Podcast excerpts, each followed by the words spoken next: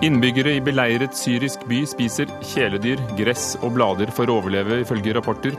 Nå er endelig lastebilene med nødhjelp kommet frem til Madaya. Sult er et viktig våpen i krigen, sier forsker. Folk over hele verden minnes David Bowie. Den britiske multikunstneren og popstjernen var Finn Bjelkes aller, aller største helt. Og komiker Marit Voldsæter klarte å møte Bowie. Så sterkt var det at hun falt sammen.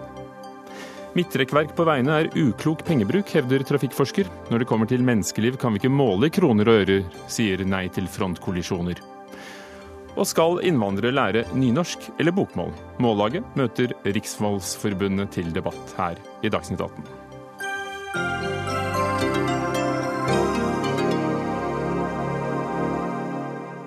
Som du i dag får med Ugo Fermarello i studio i NRK P2 eller NRK2. Den første forsyningen med nødhjelp er fremme i den sultrammede byen Madaya i Syria. Bilder av utsultede barn og voksne i Madaya har skapt sterke reaksjoner den siste tiden. 42 000 mennesker bor i byen, som i et halvt år har vært beleiret av regjeringens egne styrker. Nå har hjelpeorganisasjonene forhandlet frem en avtale om å levere nødhjelp til Madaya. I dag er hjelpen kommet frem. En kolonne av lastebiler kjørte fra Damaskus tidligere i dag. Sven Mollekleiv, president i Norges Røde Kors. Hva har de med seg? De har med seg mat fordi folk sulter. De har med seg medisiner fordi folk er syke og eh, alle medisinlagre er tomme. Og de har med seg utstyr til å kunne reparere og hjelpe til med vannforsyning. Tilgang til rent vann er helt avgjørende. Og så har de med seg noe som møtte dem som et enormt behov da vi var inne sist gang 18.10, da de opplevde at eh, kvinner som nettopp hadde født, ikke var i stand til å gi melk til sine nyfødte barn, nemlig å få et eh, melketilskudd og energi til de aller, aller minste, for å hindre at de dør av mangel på næring. Var det hindringer i, i veien fra Damaskus? I dag har eh, forsendelsen gått Eh, bra. Det er en tre kilometer stor kolonne med 44 eh, biler som kommer inn med mat som skal kunne eh, gi hjelp til hele befolkningen i 40 dager. Så vi håper jo nå dette er starten på en mer permanent løsning, med tilgang til en befolkning altså som har vært beleiret, som har vært utestengt fra å kunne få hjelp. Både i Madaya, men også i Kefraya og Foa, som er to andre eh, byer, eh, landsbyer eh, i Idlib-provinsen, som også har vært avstengt og beleiret, og som i dag har fått den samme type hjelp. For nå snakker vi om Madaya, fordi det er der vi har sett grusomme bilder fra. Og dette ligger jo bare rundt 40 km fra Damaskus, på grensen til Libya, og likevel så ugjennomtrengelig. Cecilie Hellestveit, seniorrådgiver ved ILPI, International Law and Policy Institute. Eh, Madaya, der er det president Assads egne soldater som holder befolkningen fanget. Og rundt Madaya så er det eh, opposisjonen som har kontrollen. Hvorfor blokkerer de byen? Ja, altså dette her er, Mandaya er en av de områdene som ligger mellom Damaskus og Libanon. Og er veldig viktig som et sånn område hvor man på en måte har eh, overgang mellom Hizbollah og opposisjonen og eh, regimet som da samarbeider med Hizbollah. To, så Det er på en måte et område som, som, hvor du har sunnimuslimsk befolkning inne, og så har du eh, regimet og eh, sjiamuslimske Hizbollah rundt. Disse to eh, landsbyene oppe i nord, der er det motsatt satt. Der er det sjiamuslimsk eh, befolkning inne i eh, senteret, og så er det andre, altså det er Nusra-fronten og en del andre sunnimuslimske opprørsgrupper som holder beleiring rundt. Og det som skjer nå, er at eh, nå er det slik at vi åpner for dere, og så kan dere åpne for våre. Og Sånn har det vært en god stund i disse beleiringssituasjonene i Syria. At det er noen grupper fra den ene siden som holder byer som opprørere fra den andre siden har, og sivilbefolkningen, beleiret inne i disse byene, og så er det motsatt i andre deler av landet. Og Det gjør at til sammen så er det jo ikke bare disse tre byene, men det er altså 15 byer som jeg regner med har rundt 400 000 mennesker som ikke har fått det nødvendige eh, mat og helsetjenester på veldig, veldig lang tid. Og Da prøver man å ordne det mellom sånne små lokale eh, avtaler som man inngår. Det ble inngått en avtale som man trodde skulle løse dette her, eh, denne situasjonen i Sabadani, hvor Madaya ligger, og disse to eh, byene oppe i Idlib-provinsen, i september. Men så har ting skåret seg, og så har det blitt mye verre. Men nå har det på en måte løst seg for nå. Nå har vi jo ikke alle kartet helt foran oss, men er det sånn, det store spørsmålet, er sult blitt et våpen? Altså, eh, Konflikten i Syria har vært av en litt annen karakter når det gjelder virkemidlene enn det vi har sett eh, de siste tiårene. Vi må egentlig nesten tilbake til andre verdenskrig for å se beleiring brukt i den forstand som man har, man har brukt det i Syria. Syria er en utholdelseskrig hvor du har mange frontlinjer, og hvor det sitter ulike grupper, væpnede opposisjonelle, eh, og noen steder da sjiamuslimer, som er knyttet til Hizbollah, og holder byer, og så er det grupper rundt som prøver å sulte opprørere ut. Der er det også sivilbefolkning. Noen ganger så eh, gjør de dette for å få sivilbefolkningen til å snu seg mot opprørerne og overgi dem, eller begynne å slåss mot opprørerne, faktisk. Mens andre ganger så er det slik at opprørerne og sivilbefolkningen er to, av, to sider av samme sak. Og da er det bruk av sult som et virkemiddel i krig. Det er strengt forbudt og en krigsforbrytelse. Sven Månklev, er det en krigsforbrytelse som blir begått her? det er brudd på internasjonal humanitærrett. Altså det som er regler selv i krig. Når man hindrer hjelp til sivile som har krav på at hjelpen skal komme fram. Og Kolonner er jo tidligere blitt beskutt. Du har vært i områdene rundt ja. Madaya, kom ikke inn til Madaya. Hvordan er det der? Nei, Det er eh, helt fortvilet å se på en sivilbefolkning som sulter, som ikke får medisiner.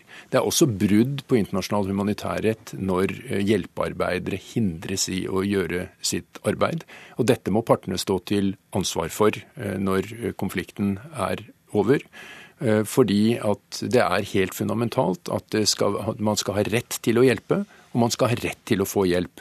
Man skal ha rett på beskyttelse, og de som bruker sivile som et ledd i sin krigsstrategi, de eh, begår eh, krigsforbrytelser. Når det blir slutt på konflikten, sier du. Nå er det sånn at i, i senere i dag skal FNs sikkerhetsråd ha et møte for å vurdere hastetiltak for å få nødhjelp frem til byene.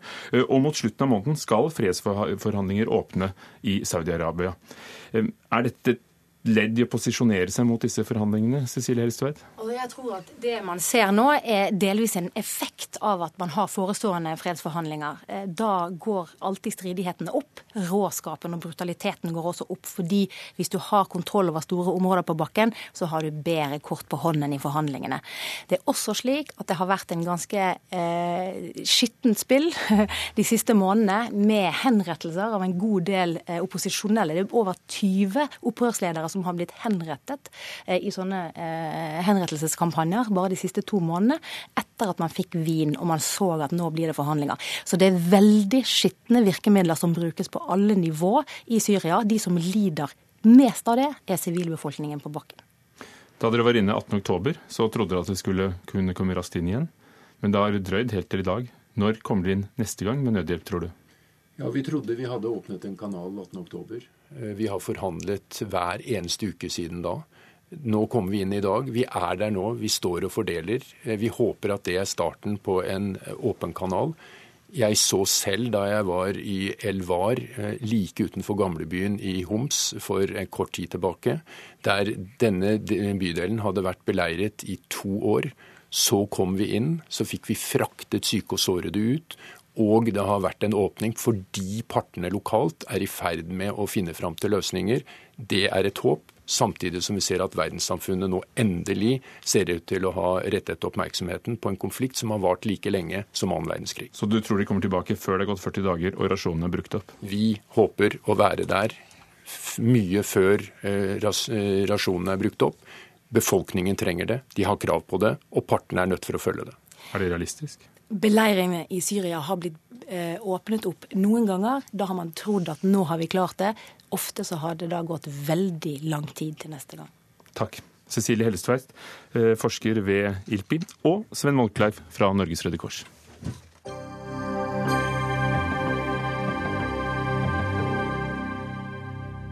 When I live my dream, I'll take you with me, riding on a golden horse.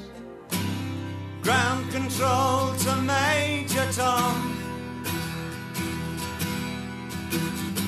Commencing countdown, engines on.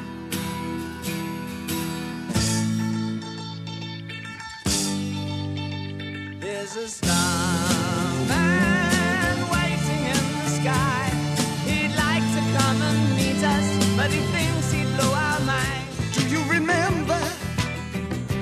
your President Nixon? Do you remember the bills you have to pay, or even yesterday? Oh, we can be heroes just for one day. Look up here, I'm in heaven. I've got scars I dag tidlig kom nyheten som et sjokk. David Bowie døde i går. Folk over hele verden sørger og hyller ham. Det gjør vi også i Dagsnytt 18. Musikeren, komponisten, skuespilleren, kunstneren, grensesprengeren Bowie døde to dager etter at han ga ut det siste albumet sitt, Black Star hvor det vi hører her er hentet fra. Finn Bjelke, hva skal man si? Nei, det er som en vegg har ramlet ut. Eh, en mann som har fulgt oss i 50 år, eh, de som er musikkinteresserte. Og det kom jo veldig brått på absolutt alle. Han eh, holdt kortene tett i brystet nok en gang. Han ble 69 år gammel. Du er jo kjent som programleder i Popquiz. Det virker alltid som om du du er ekstra fornøyd når folk sier at de liker Bowie? Ja, Bowie har en spesiell uh, dragning eller eller ja, en spesiell dragning mot Bowie. og Det er noen artister som er sånn. Han har svært lojale fans. og For meg så revnet det 1972 da jeg hørte Starman fra albumet Sig Stardust på svensk P3. Det var akkurat som det var en, uh, en fyr fra en annen planet som sang. Jeg hadde aldri hørt noe sånt. og Hadde det ikke vært for Bowie, så hadde ikke vi sittet her og pratet sammen. Da hadde vi jobbet i bank eller noe slikt, tenker jeg. Hvilket forhold fikk dere etter hvert? Eller du til ham? Intenst. Veldig intenst. Han eh, er en artist som aldri var intensigende. Hadde et par sånne små feilskjær på midten av 80-tallet, men ellers er det en diskografi som man kan Det er en Sareptas krukke av musikk og musikalske opplevelser som er under alle å oppleve. Sikke Stardust-albumet som, som, Stardust er tatt fra, som du hørte på svensk P3 i 72, det er jo da eh, har et cover, et bilde, som er tatt midt i London. Der står vår korrespondent eh, Espen Aas eh, rett ved eh, der bildet ble tatt. Hvordan ser det ut der? Er det andre som har valfartet til samme sted? Ja, altså Her i Head-on Street i Londons hjerte så har jo folk kommet i hele dag og fortsetter å komme for å legge ned blomster. Noen har satt opp platecovere fra Siggy Stardust, som da, som du sa i innledningen, ble tatt nettopp her. Eh, noen kommer for å ta bilde av seg selv. Eh, noen har faktisk også kommet for å, gråte en liten skvett. Og som en eh, sa, som jeg snakket med i sted, han kom hit bare for å være helt sikker på at dette var sant. For han hadde hørt dette bli sagt så mange ganger på radio og TV i dag. Men at han skulle være borte, at David Bowie nå skulle være borte, det klarte han bare ikke å forstå. Men da han kom hit og sørget sammen med andre fans, så forsto han at nå har uh, Major Tom uh, forsvunnet. Det var jo også det sønnen hans skrev på, på Twitter i dag, Duncan Jones, regissør, at ja, det er, det er sant. Du Espen Aas, du har besøkt Bowies barndomshjem i Brixton tidligere i dag, altså i Sør-London, arbeiderklassebydel, hvor David Jones, som han het, kom fra. Hvordan så det ut der? Vi var jo eh, noen av de første journalistene som kom dit eh, i morges. Det er jo ikke et sted som er så kjent. Det er et maleri utenfor eh, Brixton T-banestasjon fra et av de andre coverne til Bowie, hvor, hvor, mange kom. Men da vi kom til huset, så var det noen lokale fra Brixton som, som visste om dette. De hadde tatt med seg en flaske brennevin og en kassegitar og en liten tusj, hvor de skrev på hver side av døren at han bodde her. Og så spilte de et par låter før de forsvant. Og så etter hvert så har det kommet flere og flere gjennom dagen som bare måtte komme til dette stedet hvor David Bowie da ble født for 69 år og tre dager siden i dag det som skulle bli denne lange reisen med helt, helt enestående musikk, og som plasserte David Bowie sammen med Beatles, sammen med Stones, sammen med Elvis og sammen med Bob Dylan. Og kanskje ikke så mange andre. For Britene regner han fortsatt som sin, selv om han døde i New York, hvor han har bodd lenge, og har bodd lenge i Berlin, og han har sunget om. Han er eh, svært britisk, og mange av de ikoniske bildene som finnes av Bowie, er jo tatt rundt omkring her eh, i, i London. Og de har jo vært stolte av denne sønnen fra arbeiderklasseområdet i, som, sør for elven. Det husker jeg også da jeg kom hit som student på 90-tallet. Jeg fikk raskt vite at jeg ikke bodde så langt unna der David Bowie hadde vokst opp, så han er viktig. De få ettermiddagsavisene som har kommet ut nå i ettermiddag, som vi får Eh, stukket i neven på vei inn på T-banen, har også et eh, stort bilde, selvsagt av eh, David Bowie. Så han er i aller høyeste grad deres. Statsminister David Cameron var raskt ute med å poengtere det i dag, og en rekke britiske musikere, sammen med selvsagt mange amerikanske og andre internasjonalt anerkjente musikere, har jo poengtert hva for en stor musiker og mann David Bowie var. En som fortsatte Eh, og utvikle seg eh, hele tiden. Og, selv det litt kronglete 80-tallet kanskje, klarte likevel eh, å sette sitt merke på musikken, og også ham som en skuespiller i flere filmer.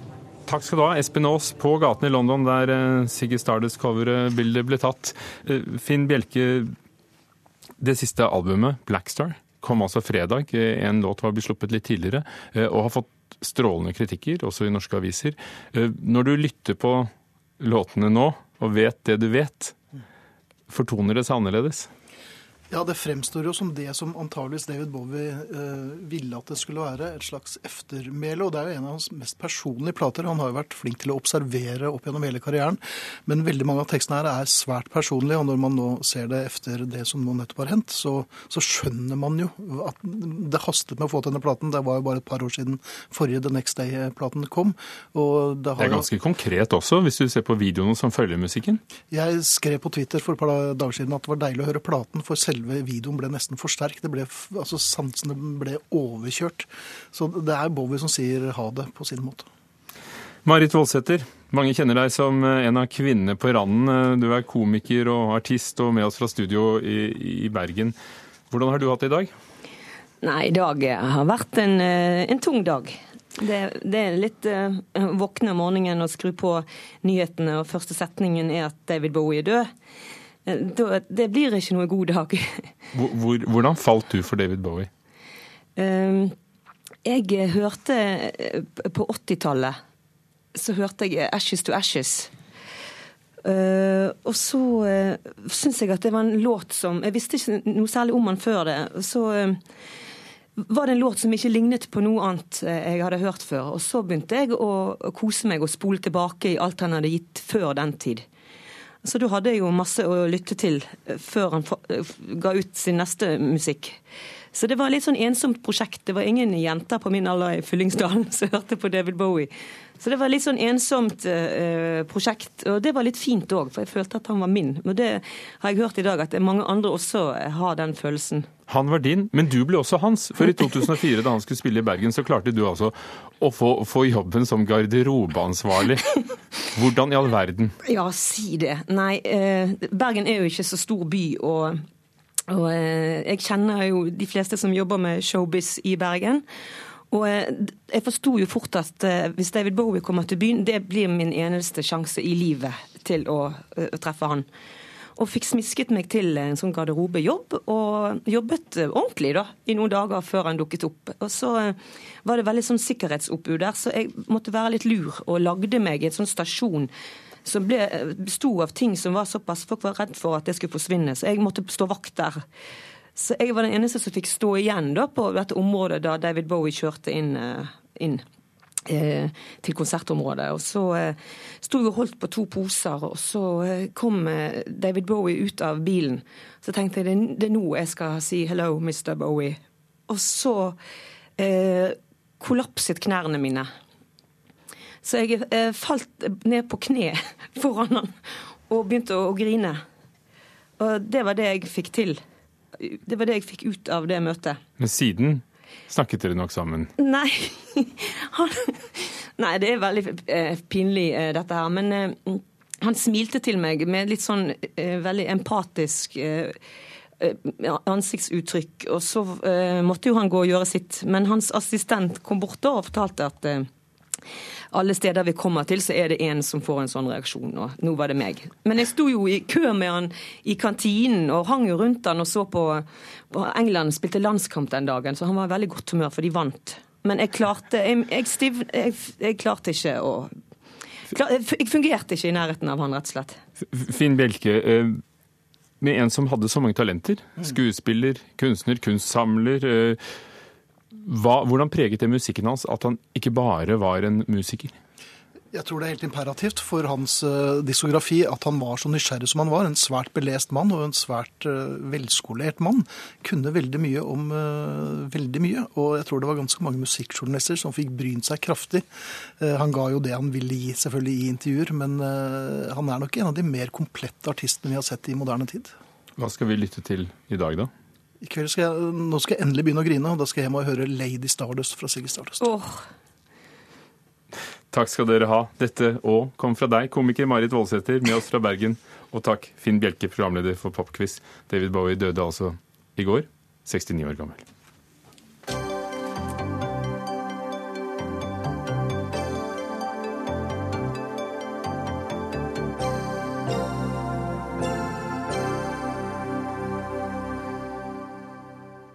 Midtrekkverk på veiene er uklok pengebruk. Selv om det er det som hindrer flest dødsulykker, hevder Rune Elvik ved Transportøkonomisk institutt. Foreningen Nei til frontkollisjoner tror nesten ikke sine ører. De er både skuffet og sinte. Og hva sier samferdselsministeren? Men aller først, for å begynne med utspillet. Rune Elvik, forsker ved Transportøkonomisk institutt.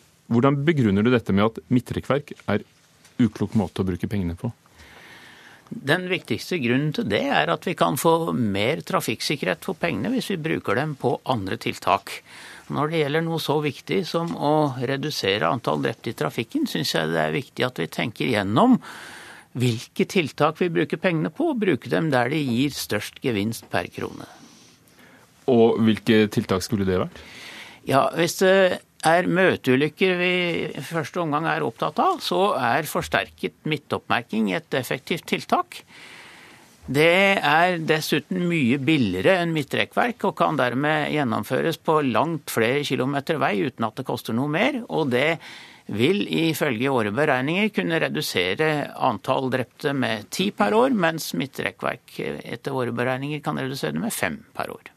Men de har forutsett at det brukes like mye penger. Hvis midtrekkverk er det beste? Nei, det er det faktisk ikke. For ikke hvis man bygger ut eh, forsterket midtoppmerking på de ca. 6000 km vei vi har regnet på, så vil det koste rundt regnet en milliard kroner. Mens 560 km midtrekkverk vil koste seks ganger så mye, 6 milliarder omtrent. Men hva er det beste for å hindre frontkollisjoner?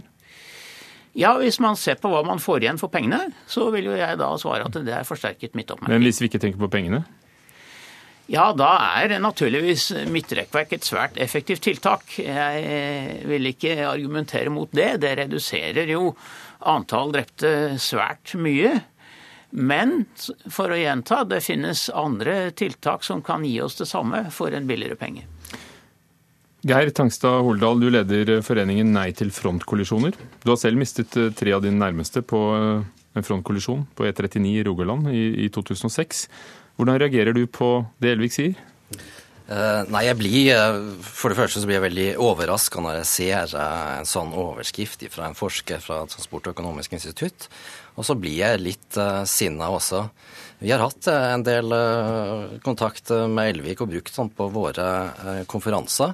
Så det å si at midtrekkverk er uklok pengebruk, og også si at nei til frontkollisjoner er med på en ineffektiv ressursbruk, Eh, det reagerer jeg litt på.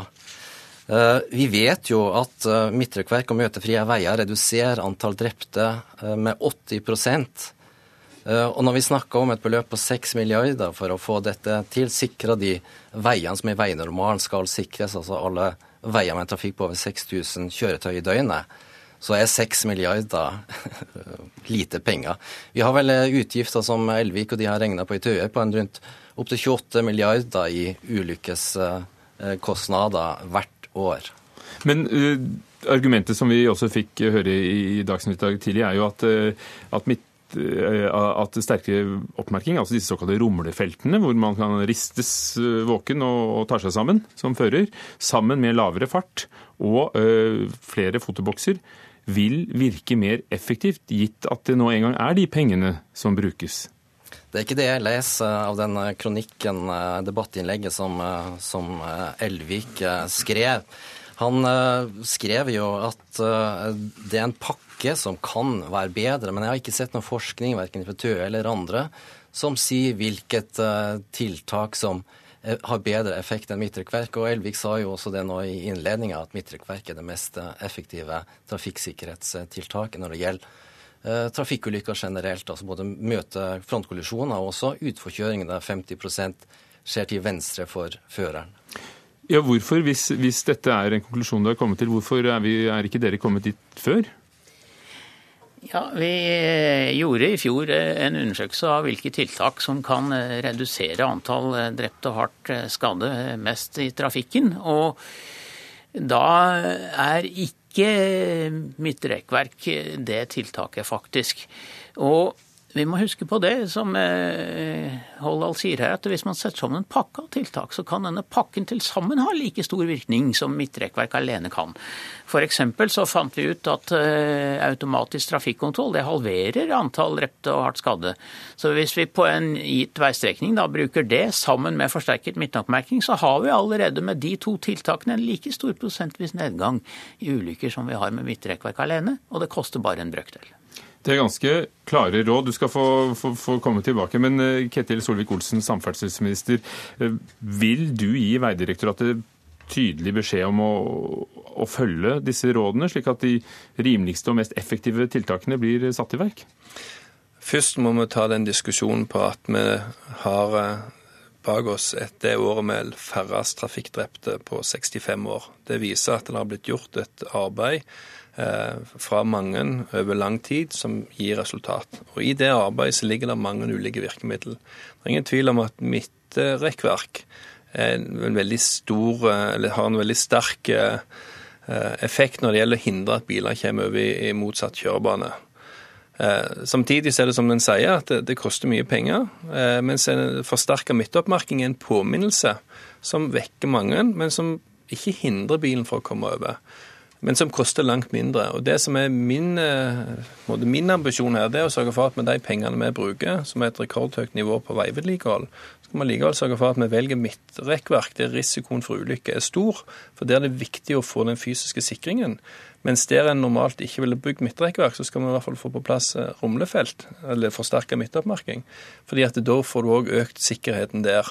Vel så du vil ikke følge rådene jo, altså, jeg, jeg, følger de, jeg følger de både både og. fordi at vi har altså i løpet av vår periode nå bygd tre ganger mer midtoppmerking, eller rumlefelt som jeg kaller det, enn det som var opprinnelig planlagt. Og så har vi bygd 50 mer for, eh, midtdeler enn det som var planlagt. Så vi gjør mer av begge deler. Men jeg ser helt klart poenget til forskeren at gitt at du f.eks. har en milliard kroner, så må du gjøre en nøye vurdering på hvor skal du sette inn de pengene. Og vi har også sagt at altså Midtoppmerking, eh, midtdelere er viktig, men vi har òg sagt at belysning er viktig en del steder. Eh, og f.eks. tungbilkontroller. Vi har firedobla tungbilkontrollene. og Det òg mener jeg Ulike steder så har det ulik effekt. og Derfor er det ikke sånn at eh, midtdeler er svaret alle steder, men ei heller rumlefelt alle steder. På motorveien f.eks. så er midt, midtdeler svært, svært viktig, for der kan bilene komme i høy fart. Men motorveier er jo allerede har mange felt og er vel noe for seg i forhold til de fleste tusenvis av kilometerne av landeveier? Det, det er absolutt riktig. Men, eh, Elvik, ved å, å gjøre som han gjør, Solvik-Olsen, og, og, og, blande de forskjellige medisinene. Eh, er det sånn at eh, de, de kunne nærme seg nullvisjonen raskere ved å følge dine råd? Nullvisjon som er regjeringens visjon om å ha null drepte i trafikken? Ja, jeg tror jo det. I og med at eh, forsterket midtoppmerking er et billigere tiltak, og det krever ikke like mye planlegging som midtrekkverk. Ofte ønsker man jo å utvide veien til tre felt for å ha midtrekkverk. Og det krever grunnerverv og andre ting som tar tid. På dager som dette, hvor vi advares mot å kjøre bil, og det er bulkinger og kollisjoner, vil man i det hele tatt kjenne dette rumlefeltet? Nei, kanskje ikke når det er eh, dekket av snø, men eh, teknologien kan hjelpe oss etter hvert. Eh, mange kjøretøy har jo etter hvert noe som heter kjørefeltholder. Og mange har også en enklere variant som er varsel om skifte av kjørefelt. Da skal du ha ny og fin bil. Ja, men dette kommer etter hvert. Og så trenger, for Mange av disse er basert på sensorer, og det er jo litt utfordring med det nordiske klimaet. Ofte så er de eh, fildelerne som er malt, de er dekt av snø. Så det gjør at jeg mener Vi må ikke velge enten-eller. Her er det en snakk om både og, og det må være tilpassa de ulike situasjonene de ulike stedene. Geir Tangstad Holland, nå har du hørt på ministeren og eksperten. Hvilke råd vil du gi til eh, Ketil Solvik-Olsen? Eh, det er helt klart. Vi har eh, fått forandra veinormal nå som sier at vi skal bygge møtefrie veier når vi har en trafikk på 6000 ÅDT. Tidligere var den på 8000 ÅDT, og det er jo i inneværende NTP. Det betyr at når vi bygger nye veier, planlegger nye traseer og veier, så skal vi, disse typer veier bygges som moderne veier med trafikksikring, eh, midtrekkverk. Og Det gjelder jo også på motorveier. Vi har en del motorveier som er bygd uten midtrekkverk. og Dette er jo bestemt nå at midtrekkverket skal opp, for det er såpass effektivt. Hva med alle de tusenvis av kilometer med landevei som ligger der, og, og, og som er ulykkesbelastet? I møte med, med Solvik-Olsen har vi sagt at uh, som midlertidig sikring så er rumlefelt uh, et godt uh, alternativ mens vi planlegger å bygge ut veier. Vi vet jo at vi har en bilpark også på åtte-ti år her i Norge, så selv om det kommer ny teknologi, så vil det jo ta kanskje 20 år før det fungerer her i Norge.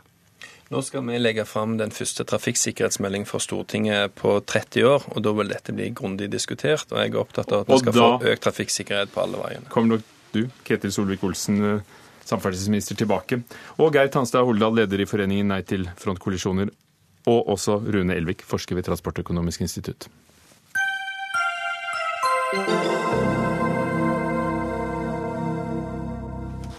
Det skal handle om Norges største selskap, Statoil.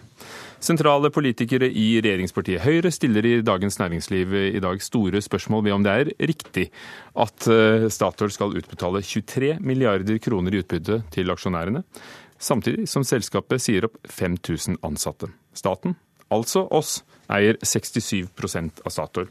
Nikolai Astrup, parlamentarisk nestleder i Høyre. Det er Statoils styre og generalforsamling som skal fastsette utbyttepolitikken. Og, og hvorfor i all verden blander du deg opp i disse vurderingene de gjør?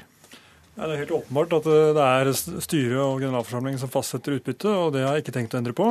Eh, men jeg mener likevel at det må være legitimt eh, for en stortingsrepresentant å kunne reise spørsmål ved om utbyttepolitikken er riktig, i en tid hvor forutsetningene har endret seg dramatisk. Og da ligger det det at du ikke syns den er riktig. Du og, og Høyres energipolitiske talskvinne Tina Bru går da sammen ut. Kunne dere ikke tatt opp i forbindelse med statsbudsjettet før jul? Vel, jeg mener at denne debatten er aktualisert når vi nå ser bildet for 2015, eh, hvor eh, Statoil i de første tre kvartalene tapte 30 milliarder kroner. Og samtidig så vet vi at det er 5000 ansatte som har sluttet i selskapet. Og samtlige ansatte har fått tilbud om sluttpakke. Og likevel betales det ut et utbytte på 23 milliarder, og det planlegges at dette fortsetter fremover. De tror vel på fremtiden, da? Ja, og det er eh, veldig bra. Men samtidig så varslet jo eh, konsernsjefen i eh, Statoil i forrige uke at tidene fremover vil være ille, som han sa til Dagens Næringsliv i, i forrige uke. Og, og, da mener jeg det i hvert fall er grunn til å vurdere om det er behov for å endre eh, utbyttepolitikken når forutsetningene har endret seg. Og jeg, Det kan fremstå som om det ikke er grunnlag for å opprettholde den utbyttepolitikken man har nå, hvis selskapet fortsetter å tape penger. Øyvind Korsberg, næringspolitisk eh, talsmann for det andre regjeringspartiet, Fremskrittspartiet. Hva synes du om eh, Nikolai Astrups vurderinger? Nei, Jeg syns jo det er et eh, for så vidt et interessant innspill å, å komme med i, i, debatten i en tid der det er både uro på, på børsen og, og, en krevende tid for um, oljeselskapene. Men, uh, men likevel er det feil? Nei, jeg hadde på å si engasjement fra eh, folkevalgte på, på, Stortinget. Det tror jeg man skal uh, sette pris på. Men uh, det er fremdeles sånn at det er styret og, og generalforsamlinga som fastsetter utbyttepolitikken til Statoil. Og sånn skal det jo være i fremtida, som også Nikolai Astrup sier. Så det tror jeg er en, en, god kjøreregel fremover. Og Hva blir konsekvensen av at Astrup og andre i Høyre nå har tatt bladet fra munnen? Nei, jeg tror ikke det er noen som har tatt bladet fra, fra munnen. Eh, ja, det har de jo, de har jo sagt hva de mener om det. Jo, jo, men altså det, det er det for så vidt også andre som har sagt uh, tidligere. Og det er jo innspill som uh, jeg er sikker på at de som sitter i styret i Statoil registrerer. Og så vil man jo gjøre vurderinger fra de som styrer Statoil Eh, ut ifra den økonomiske situasjonen som eh, preger Statoil, både på, på, kort og lang sikt. Men eh, et solid og et langsiktig eierskap det er jo et av de viktigste forutsetningene for et statlig eierskap, og, og det ligger jo fast. Astrup, hva, hva, vil dere oppnå med, med, dette nå, hvis du er enig i at, at uh, AS skal styre seg selv? Uh, hva, hva, vil du oppnå med en sånn debatt? Vel, for utbytte er jo fastsatt. Det er klart at uh, Utbyttepolitikken i Statoil har betydning for uh, flere enn bare selskapet. Det har betydning også for det norske uh, samfunnet. Det har betydning for aktivitet og arbeidsplasser langs kysten. Og Derfor så mener jeg at når oljeprisen faller fra over 100 dollar til, og ned til kanskje nå nærmer det seg under 30 dollar, så er det grunn til å stille spørsmål ved om det er grunnlag for å opprettholde en så offensiv utbyttepolitikk. Og det er grunn til å spørre om ikke også aksjonærene skal ta sin del av eh, de dårlige tidene ved å akseptere et redusert utbytte. Eh, og jeg har også tidligere sagt at det kan fremstå som noe umusikalsk og eh, at aksjonærene tar et så stort utbytte når det er så mange ansatte som mister jobben og investeringer utsettes. Eh, og det bidrar også til å redusere handlingsrommet til selskapet i en tid hvor det kan finnes muligheter når som kostnadene er kommet ned. Men så er det viktig å understreke også at jeg mener det er Men du, Vent litt med understrekingen. Vi, vi støtter 100 eh, at Statoil selvfølgelig må kutte kostnader. Det må hele bransjen eh, for å bli konkurransedyktige. Men det er klart at en så offensiv utbyttepolitikk når selskapet taper penger, det innsnevrer handlingsrommet. Gunnar Eskeland, professor ved Norges handelshøyskole med nettopp energi som ditt spesialområde. Eh, hvordan vurderer du eh, Statoils utbyttepolitikk? 23 milliarder samtidig som de gikk med over 30 milliarder i, i tap bare på de tre første kvartalene i fjor? La meg starte med å si at jeg syns vi skal være forsiktige i Norge med å passivisere eieren helt. Det er ikke så lett å få aktive eierskapsansvar når vi har staten som på mange arenaer er nødt til å si at ja, vi eier, men vi skal ikke styre. Akkurat utbyttepolitikken er et område som er eiers ansvar direkte. Styret skal gi et, en anbefaling eller et forslag til utbyttepolitikk, og så er det faktisk generalforsamlingen, og det vil si eierne, som skal ta den beslutningen. Så jeg syns hvis vi prøver å parkere eieren i denne sammenhengen, ja, da har vi litt vanskeligheter for å si at eier tar ansvar for hvordan vi styrer ikke bare, ikke bare, Statoil, men sektoren. Men nå snakker vi altså om hvordan vi skal styre Statoil. Så jeg synes de, Vi skal være klar over at det er ganske flott at vi har hatt en langsiktig utbyttepolitikk som ikke har blitt endret i løpet av disse årene. Så at vi får diskusjonen nå, at viktige parlamentarikere tar det opp, det, det syns jeg er å vente, og jeg syns det er riktig og jeg syns det er viktig. Men jeg tror at det er for tidlig å svekke presset på selskapet og sektoren nå. Jeg tror at det, det som skjer du, nå Du mener at de, de, må betale ut eh, så godt som de gjør? Nei, jeg mener at dette er en viktig eierbeslutning. Og at hvis vi men Har de tatt vi, den riktige beslutningen? Det er det jeg gjerne vil vite når de betaler ut det utbyttet. Så vidt jeg vet er det ikke tatt noen beslutning ennå. Dette skal jo opp på generalforsamling. Og at ikke, at ikke den ministeren som sitter i generalforsamling skal få innspill fra våre parlamentarikere, det syns jeg ville være nokså oppsiktsvekkende. Husk på det som har skjedd i dette markedet. Det er veldig dramatisk. Nå har et kraftig oljeprisfall ikke bare vedvart, men det har falt ytterligere. Og da skal man ta stilling til om vi både skal kutte kostnader, som er smertefullt, og vi skal kutte prosjekter som også kan involvere en viss smerte. Jeg mener at vi har et utfordring i Norge med hensyn til aktivt eierskapsansvar. Og det som skjer hvis ikke selskapet får lov å sitte på disse pengene, det er at de må enten ta tøffere beslutninger med hensyn til kostnader og prosjekter som ikke ser lønnsomme ut i dag, eller så må de spørre andre. De må gå til banker, og de må gå til andre som kunne investere sammen med dem, eller de må gå til andre som kan kjøpe de feltene som Statoil dermed ikke kan følge opp på egen hånd. Men før, sikkert vi da gir ordet tilbake til Nikolai Astrup, som har hvis jeg kan avbryte et øyeblikk før vi ror tilbake til Astrup, som har tatt opp debatten, så vil jeg gjerne vite, bør de gjøre det? Er det en så god ting at de må spare inn og, gå til bankene at de skal betale utbytte, eller hva, hva råder du da Statoil til å gjøre? Dette er ikke Statoils beslutning. Dette er eiers beslutning. Hva råder du da eierne til å gjøre?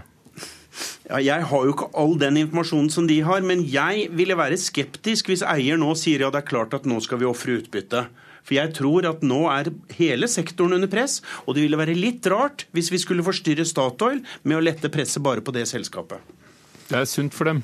Nikolai Astrup, å ha det presset. Og kanskje det er bra for miljøet også, for da, da, må de omstille seg, og vi kan bruke penger til å lage andre energikilder. Statoil er nødt til å kutte kostnader uansett. Kostnadsnivået har vært for høyt. Kostnadene har nå kommet kraftig ned. Det er helt nødvendig i en tid hvor oljeprisen kommer til å være sannsynligvis lavere eh, enn vi har vært vant til i ganske lang tid fremover, selv om den kan komme noe opp. og Det får vi jo også håpe at den gjør.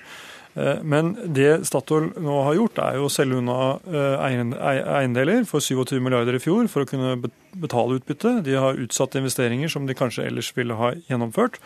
Eh, og som vil bli realisert i en tid hvor markedet ser annerledes ut. Statoil har uttrykt tro på at oljeprisen skal opp igjen. Og Da fremstår det kanskje som noe kortsiktig å bruke opp handlingsrommet sitt på å utbetale utbytte. Og det er klart, Dette kan få konsekvenser for aksjekursen i Statoil på kort sikt, men det viktige for staten som eier, og for det norske samfunnet og for, og for Statoil, er jo den langsiktige verdiskapingen. Og Derfor så reiser jeg da dette spørsmålet, men det er helt åpenbart at det er styret i Statoil som anbefaler til generalforsamlingen, og, og sånn må det også være. Håper du å påvirke ministeren? Jeg er helt trygg på at ministeren klarer å gjøre sine egne analyser av dette spørsmålet. Han vil i hvert fall ikke dele med oss, for vi har også spurt uh, Tord Lien fra Frp om å stille i studio, men han sier at han registrerer at det er stilt spørsmålet. Men dette drøfter han i selskapet og ikke, ikke offentlig. Uh, og, og, og, det gjør han rett i. Og Statoil også har vi spurt om å stille, men uh, de sier at utbyttet styres av langsiktig inntjening, og at de ikke går i debatt. Takk skal dere ha, Nikolai Astrup fra Høyre. Gunnar Eskeland fra Norges handelshøyskole og Øyvind Korsberg fra Fremskrittspartiet.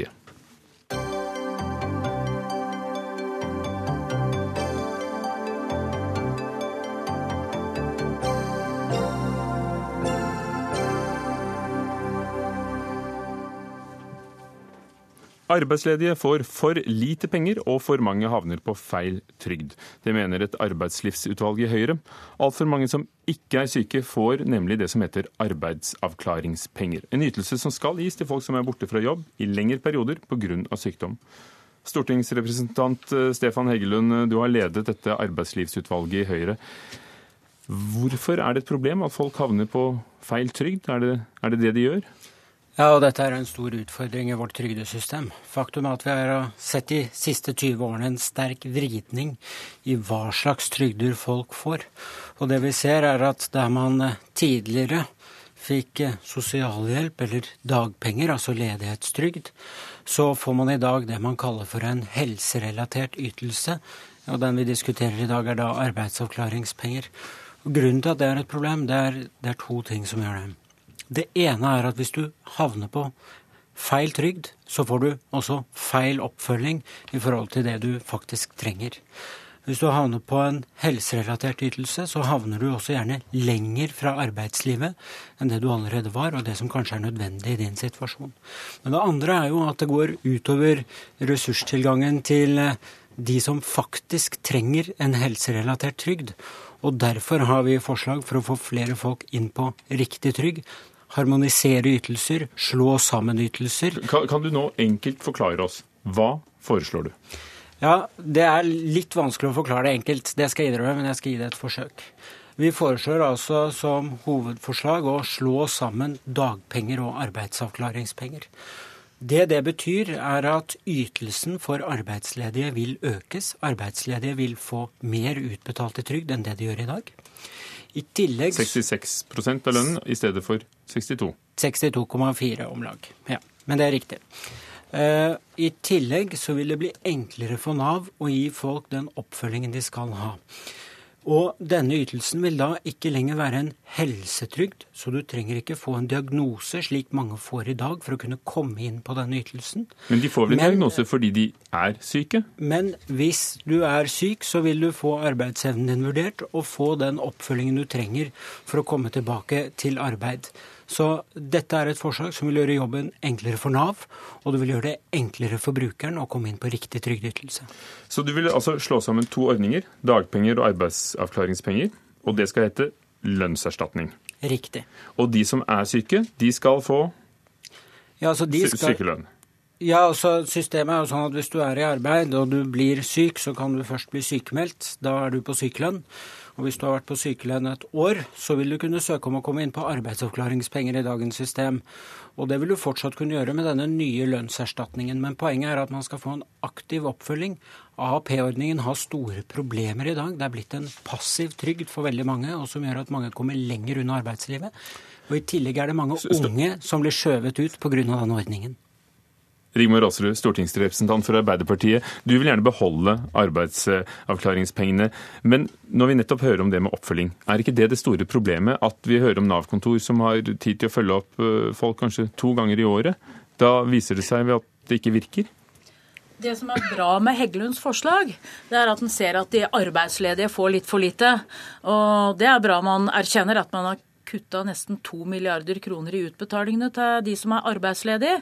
Så man kunne jo først begynne med å reversere de kutta man har gjort. Så til det som egentlig er sakens kjerne. Ja, det er for dårlig oppfølging på mange av de som er på arbeidsavklaringspenger i dag. Når vi hører om at enkelte som jobber med ungdom i Nav-systemet har over 100 stykker som man skal følge opp, så er det helt klart rent for mange.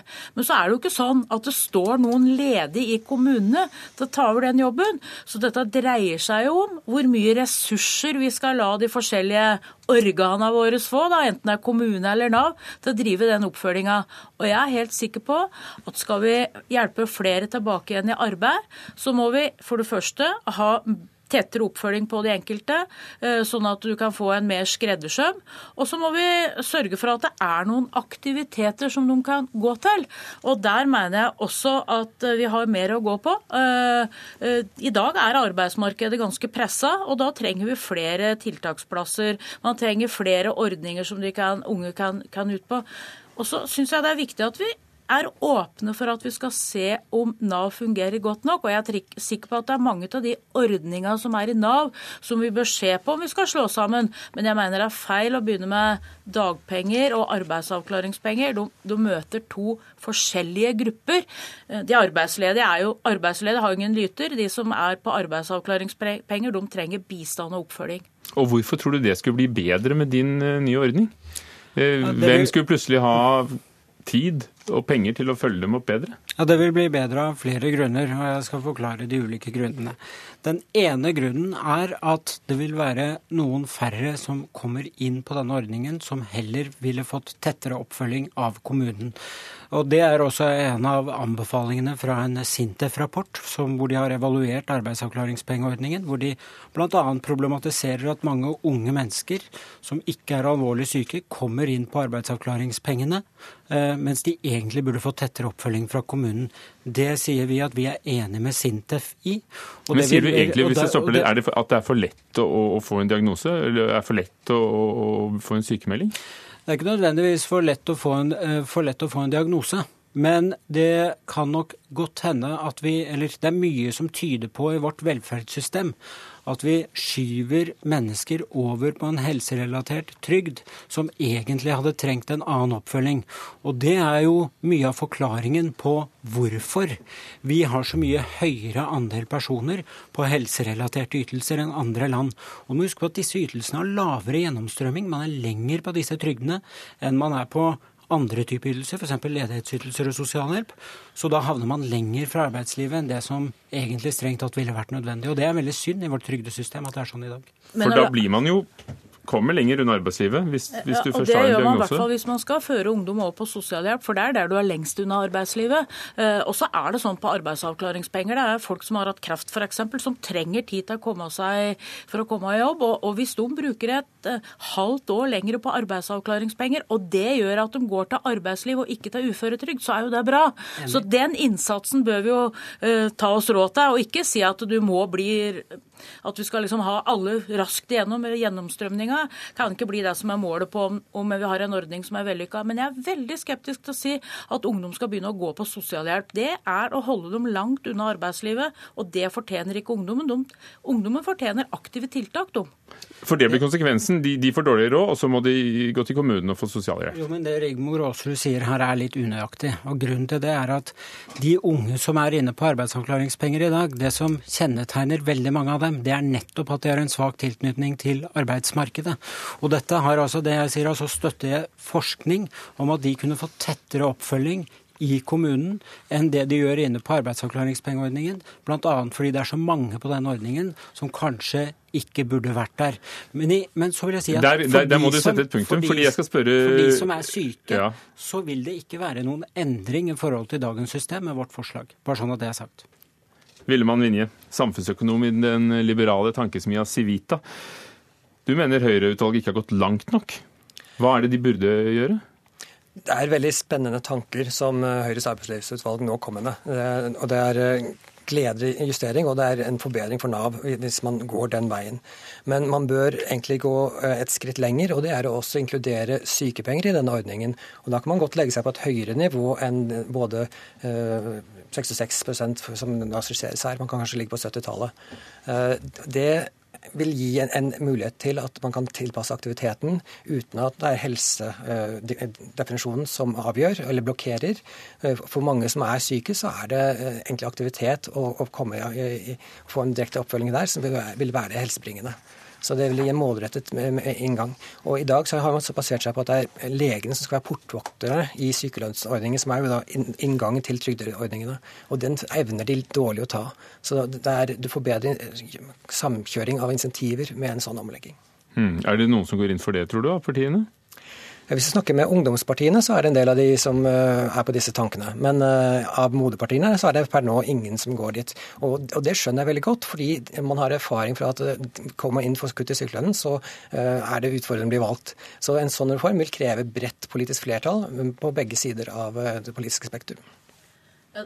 Inntektssikring ved sykdom er viktig, og for oss er det helt uaktuelt å begynne å kutte i sykepengeordningen. Og hele Europa har jo prøvd seg på den type varianter, og det har jo ikke fungert. Den norske modellen fungerer på det området der, sånn, så det der mener jeg er gammeldags politikk. Det jeg syns vi skal legge mer vekt på, det er å få flere ressurser ut i kommunene sånn at vi kan jobbe med de ungdommene eh, som detter utafor. For det er vi enige om alle sammen at det er for mange, og de midlene fins dersom vi vil prioritere kommuneøkonomi høyere. Noen vil gå mye lenger. Eh, noen vil bare forbedre det som er. Hvordan tror du forslaget ditt vil ende opp? Ja, Det blir veldig interessant å se. Nå skal vi ha en veldig spennende programprosess i Høyre. Eh, dette er et av alternativene vi leverer. Eh, et annet alternativ er å harmonisere flere ytelser.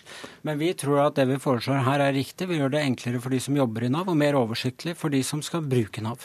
Takk skal dere ha. Stefan Heggelund, det andre alternativet får ta en annen gang. Fra Høyre, Rigmor Aasrud fra Arbeiderpartiet og Villemann Vinje, samfunnsøkonom i Civita.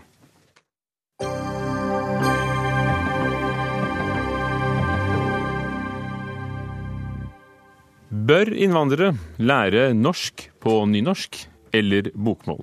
I dag er det sånn at 42 av 113 nynorskkommuner tilbyr språkundervisning til innvandrere på nynorsk. Lær dem heller bokmål, sier Riksmålsforbundet. Trond Wernegg, du er formann i Riksmålsforbundet. Hvorfor skal ikke innvandrere i nynorskkommunene lære seg det språket der de bor, både i tale og skrift? Nå tror jeg vi skal skille først og fremst mellom tale og skrift. Men det er nå engang slik her i landet at 90% av befolkningen skriver bokmål.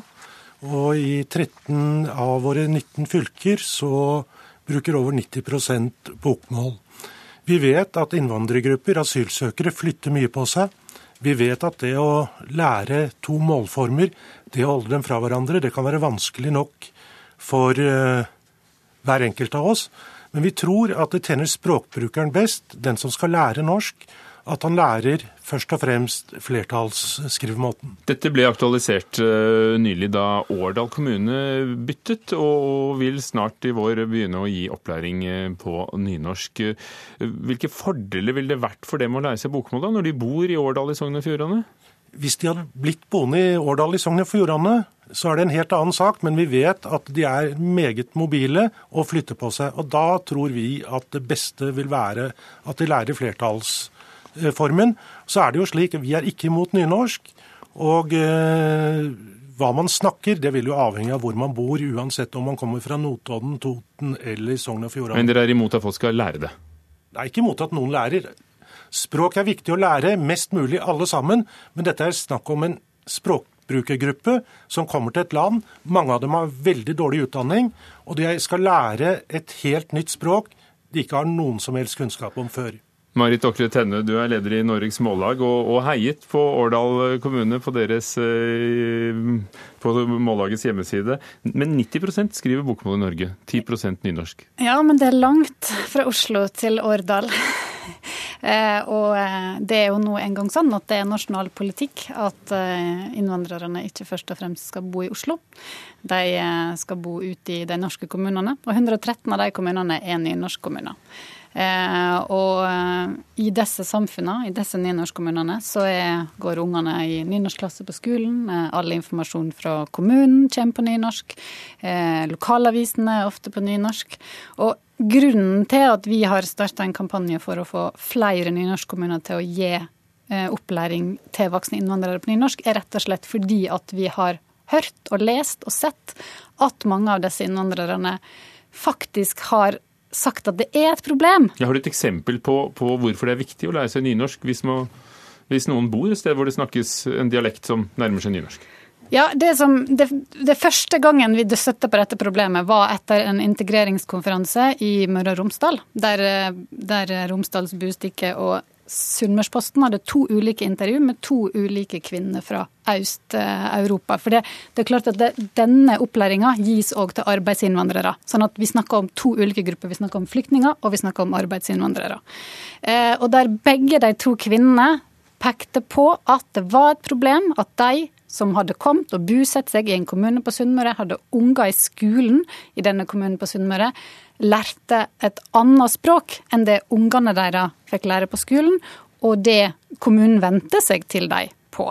Så, så, dette er en problemstilling som har oppstått mange plasser. Vi har òg fått meldinger om eh, fra ehm, kvinner, først og fremst eh, med høy utdanning, som har kommet til nynorskkommuner og som sier at eh, jeg blir rett og slett ekskludert på arbeidsmarkedet, fordi at veldig mange jobber i denne kommunen krever at jeg mestrer nynorsk.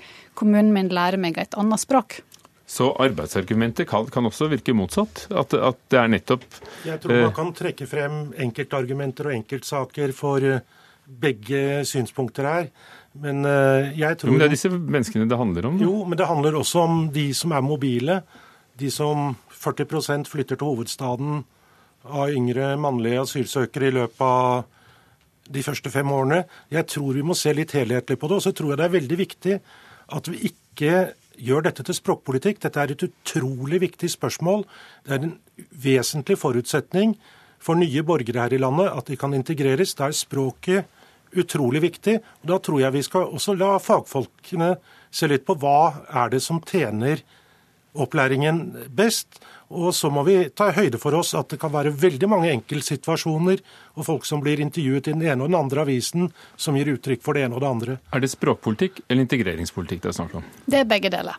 Og det er åpenbart. Og det er klart at, eh, som jeg sa i stad, så er det ekstremt viktig for disse innbyggerne, som er sårt tiltrengte innbyggere òg i veldig mange av disse utland, i utkantkommunene. For det er klart at utkantkommunene i Norge i dag, så kommer folkeveksten av utenlandsk innvandring. Og sånn er det nesten i alle distriktskommuner. Og det er klart at, de, at å lære de folka et annet språk enn resten av befolkninga, bare fordi de kommer fra et annet land, det syns jeg er rart. Men for det andre så er det jo helt åpenbart at det å lære befolkninga et annet språk enn det kommunen syns at er det språket kommunen skal bruke, det undergrev egne språkvedtak. Er det ikke sånn at bokmål det, det flyter til en uansett, for det er nesten overalt? Jo, men er du helt ny her i landet og ikke kan det fra før, så er det ikke bare spørsmål om flyt, det er hardt arbeid å lære. Takk. Trond Wernegg fra Riksmålsforbundet og Marit Okre Tennu fra Norges Mållag. Ansvarlig for Dagsnytt 18 i dag, Ida Tune Ørisland. Teknisk ansvarlig Finn Lie. Programleder Ugo Fermariello.